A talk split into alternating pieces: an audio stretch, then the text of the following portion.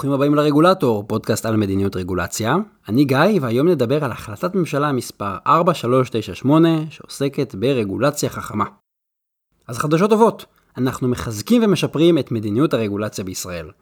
ארבע שנים אחרי שישראל אימצה מדיניות רגולציה, בהחלטת ממשלה 2118 ב-2014, הממשלה העבירה החלטת ממשלה נוספת, מספר 4398, ההחלטה החדשה עברה ב-23 לדצמבר 2018. אז מה קורה כאן בעצם? ההחלטה החדשה מעבירה אותנו מהתנהלות של פרויקט למערכת מסודרת ועקבית, היא ממסדת את כל המהלך הזה. היא מחזקת את המנגנונים הקיימים, ובאופן טבעי ההחלטה הזאת בונה תשתית ומתחילה להסתכל על המערכת כולה כעל אקוסיסטם ממשלתי שלם שהרגולציה היא משחקת תפקיד מרכזי בו. לכן לא נראה בהחלטה הזאת התייחסות לתחום ספציפי ברגולציה, אלא ממשלה. איך הגענו בכלל להחלטת הממשלה הזאת? למה העברנו אותה? במהלך 2017-2018 ה-OECD בחן את מדיניות הרגולציה בישראל, וקבע שישראל עשתה התקדמות מאוד מאוד גדולה, אבל אמר שבמידה רבה היא מיצתה את הכלים ואת ההתקדמות שיכולה לעשות במנגנונים הקיימים. אמרה שכדי להתקדם לשלב הבא ולהיות בסטנדרט שרוב מדינות ה-OECD נמצאות, אנחנו חייבים לשכלל את המערכת שלנו של מדיניות רגולציה. המסקנות של ה-OECD וההמלצות שלו הוצגו לממשלה בקיץ 2018 ביולי, וראש הממשלה הנחה להכין החלטת ממשלה פרקטית שתיישם את ההמלצות האלה. בין יולי לדצמבר 2018 נעשתה העבודה הזאת, שהגיעה לשיא ב-23 לדצמבר 2018. והנה החידושים המרכזיים בתוך ההחלטה. 1. יש לנו הגדרה לעקרונות מדיניות רגולציה. באופן די מוזר, עד עכשיו לא הגדרנו מה זה מדיניות רגולציה ומה העקרונות שלנו, בעד מה הדבר הזה. ארבע שנים קודם, בהחלטת ממשלה 2118, נקבע שהממשלה תפעל להפחית את עלויות הרגולציה, וההחלטה גם קבעה שהרגולטורים צריכים לגבש רגולציה בתהליך סדור. אבל לא נקבעו העקרונות, לא נקבעו עקרונות העל, לא נקבעו המטרות. ההחלטה החדשה עושה סדר וקובעת שבעה עקרונות. למשל, שרגולציה חכמה תשאף להביא לתועלת מקסימלית למשק ולחברה לפי ניהול סיכונים. שרגולציה צריכה להיקבע על בסיס נתונים. שכשאנחנו קובעים רגולציה אנחנו רוצים לקדם עקביות, ודאות ונגישות לציבור. אנחנו צריכים להתבסס כמה שיותר על רגולציה בינלאומית. ועוד דברים טובים אחרים. זה אולי נשמע לכם מובן מאליו ונשמע מאוד הגיוני, אבל אם המטרה שלנו לשנות תפיסה וללמד את המערכת משהו חדש, המטרה הזו צריכה להיות ברורה לכולם. ואם זה מעניין אתכם, העתקתי את סעיף העקרונות לבלוג ושמתי שם גם לינק להחלטה המלאה. החידוש השני הוא שדרישות הרגולציה החכמה יחולו גם על נהלים, רישיונות וכולי. רגולציה מפוזרת בכל מקום, בחוקים, בתקנות, בנהלים שהדרג המקצועי קובע, והרוב המוחלט של הרגולציה נמצא בנהלים. כשאני אומר נהלים אני מתכוון גם להוראות, חוזרים, הנחיות, מפרטים, דרישות, רישיונות, עמיית, כל המסמכים האלה שהם לא חוקים ותקנות. ההחלטה המקורית 2118 היא חלה רק על חוקים ותקנות. ולא לגמרי היה ברור אם היא חלה על נהלים. ובניסיון שהצטבר מאז 2014, התברר שחלק ניכר מהרגולציה נמצא בכלל בנהלים. בעצם מצאנו את עצמנו במצב די מוזר, שחוקים ותקנות צריכים להיות מגובשים בתהליך סדור ופומבי ועם שיתוף ציבור, ונהלים לא כל כך.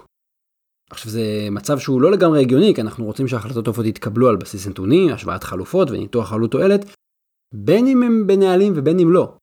חוץ מזה, תחשבו על זה רגע, בתחילת הדרך, כשאני עוד מגבש את המדיניות ועדיין לא קיבלתי החלטה, אני לא יודע אם בסוף השינוי הזה של הרגולציה יהיה בחוק, או בתקנה, או בנוהל, או בתנאי בתוך הרישיון. אז איך בתחילת הדרך אני אמור לדעת להגיד לעצמי, אה, התהליך הזה אני לא עושה, לא משתמש בנתונים, כי זה יהיה בסוף בנוהל. אני לא יודע בהתחלה לאן אני אגיע בסוף, ולכן היה גם משהו קצת לא הגיוני בזה מתודולוגית. ופה ההחלטה החדשה נכנסת והיא מגדירה שרגולציה היא כל כלל התנהגות מחייב, והחובה לקבל החלטות בצורה מושכלת ומבוססת תחול על כל כללי התנהגות המחייבים, גם אם הם נמצאים בנהלים ורישיונות. במילים אחרות אנחנו סוגרים את הפרצה הזו ומבהירים שמעכשיו כל רגולציה צריכה להתקבל בתהליך אינטליגנטי והיא תהיה כפופה לעקרונות של מדיניות רגולציה. נשמע אולי טכני, אבל מכיוון שהרוב המוחלט של הרגולציה נמצא בנהלים מקצועיים, זה שינוי דרמטי. חידוש שלישי, תהליך של גיבוש רגולציה חדשה הוא הרבה יותר ברור, ויש בקרה חיצונית. ההחלטה מגדירה שמנהל מדיניות הרגולציה בכל משרד הוא הגורם המנחה למתודולוגיית גיבוש רגולציה חכמה. בנוסף, המנכ"ל של כל משרד יכול למנות מנגנון פנימי שילווה את הרגולטורים בגיבוש רגולציה חכמה, ויכול גם, והמנגנון הזה גם ימליץ על קיצור התהליך בכל מיני חריגים. המנכ"ל גם יכול לבחור שלא למנות כזה מנגנון, כי ברירת המחדל הוא שמנהל מדיניות הרגולציה גם מנחה את הרגולטורים וגם מלווה אותם בתהליך. בנוסף, לראשונה תהיה לנו בקרה חיצונית על התהליך המתודולוגי, וזה דבר שה-OECD שם עליו המון המון דגש, כי בכל מדינות העולם שיש להם מערכת מדיניות רגולציה טובה ורגולציה באיכות טובה, יש איזשהו מנגנון שמסתכל על הרגולטור ואומר לו, איך התהליך שעשית? וזה בעצם גם נותן לרגולטורים תמריץ לעשות עבודה טובה, וגם נותן להם פידבק ועוזר להם להשתפר. אז לפי ההחלטה שלנו, משרד רוה"מ יעשה בקרה חיצונית על דוח גיבוש הרגולציה שהמשרד מוציא, וזה מנגנון מאוד מאוד רך, חשוב להגיד את זה. משרד רוה"מ לא מקבל זכות וטו לחסום רגולציה, אלא רק את הזכות לבחון את הדוח שבו המשרד תיעד את תהליך החשיבה, ולכתוב דוח בקרה על איכות התהליך ועל רמת הניתוח. כמו שאתם רואים, מרכז הכובד של התהליך נשאר בתוך המשרד. קודם כל יש לנו את הרגולטור המקצועי המוסמך, שהוא עושה את העבודה והוא מקבל את ההחלטות. יש לנו איש מדיניות רגולציה של המשרד, שהוא המנגנון המשרדי המקצוע... שמלווה את הדרג המקצועי. במשרד רוה"מ הוא נותן חוות דעת אבל הוא מבחוץ ואין לו סמכויות קשות. השאיפה היא בעצם להעצים את המשרדים ולבנות אצלם יכולת, מה שאנחנו מכנים capacity building. וזו בעצם המטרה של הבקרה החיצונית. לא להפריע למשרד, אלא להעצים אותו. נקודה רביעית היא חובה לפרסם את כל הרגולציה, לא רק חוקים ותקנות. מבחינה משפטית יש כללים ברורים שכדי שחוק או תקנה יקבלו תוקף, הם חייבים להתפרסם ברשומות. רשומות זה הפרסום הרשמי של משרד המשפטים, תחשבו על זה כעל אה, ספר החוקים. אבל אין לנו כלל משפטי ברור לגבי פרסום של נהלים, או מפרטים, או נוסחים של רישיונות. כמו שאמרנו, נהלים זה שם גדול לקבוצה מאוד מאוד רחבה של מסמכים שהדרג המקצועי מוציא.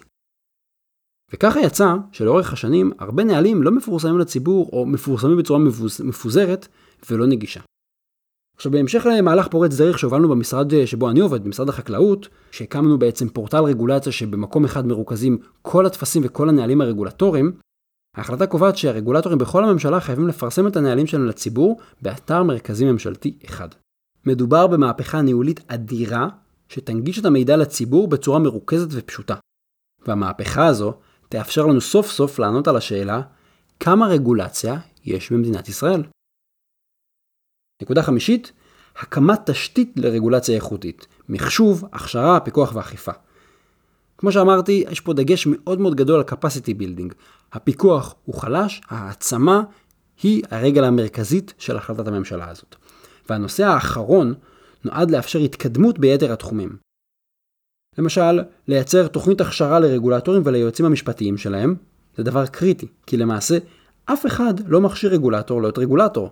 אף אחד לא מלמד איש מקצוע, למשל רוקח או מהנדס, מדיניות רגולציה. אף אחד לא מלמד אותם איך להפעיל מערך פיקוח ואכיפה, או איך לבצע ניתוח של התמריצים כדי לקבוע כללים שישנו את ההתנהגות של הציבור להתנהגות יותר בטוחה.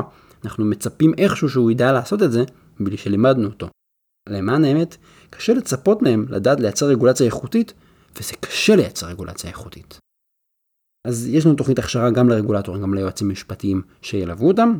דבר נוסף זה לבצע מיפוי של ממשקים כדי להפוך את התהליכים לדיגיטליים וכדי לזהות פערים בפיקוח ובאכיפה. לסיכום, הממשלה מעלה את הרף, מתחייבים לתהליכים איכותיים יותר ומכילים אותם על כלל הרגולציה בישראל. ההחלטה הזו מעבירה אותנו לשלב בוגר יותר, בשאיפה לייצר מדיניות איכותית עבור הציבור בישראל. זה כבר לא פרויקט, זו כבר מערכת עם עקרונות, עם תהליכים מוסדרים, עם בקרה. אנחנו עובדים פה על תשתית של הכשרה, של ידע, של דיגיטציה. כל הסיפור באמת רואים שהשתננו בארבע שנים האלה, למדנו ואנחנו רוצים לקחת את העולם של מדיניות רגולציה לשלב הבא. עד כאן להפעם, אני חושב שאלה חדשות מצוינות, החלטת ממשלה 4398. אתם מוזמנים לשלוח אליי שאלות למסנג'ר של עמוד הפייסבוק ואני אשתדל לענות עליהן במסגרת פינת השאלות והתשובות. תודה רבה שהאזנתם לעוד פרק של הרגולטור, כדאי לעשות מנוי באפליקציות השונות. אתם מוזמנים לעקוב אחריי גם בבלוג וגם בפייסבוק. בבלוג תוכלו למצוא לינקים למקורות ולפוסטים נוספים בנושא. תודה רבה לסוניק פורמאץ על עריכת הסאונד. התכנים משקפים את דעותיי בלבד.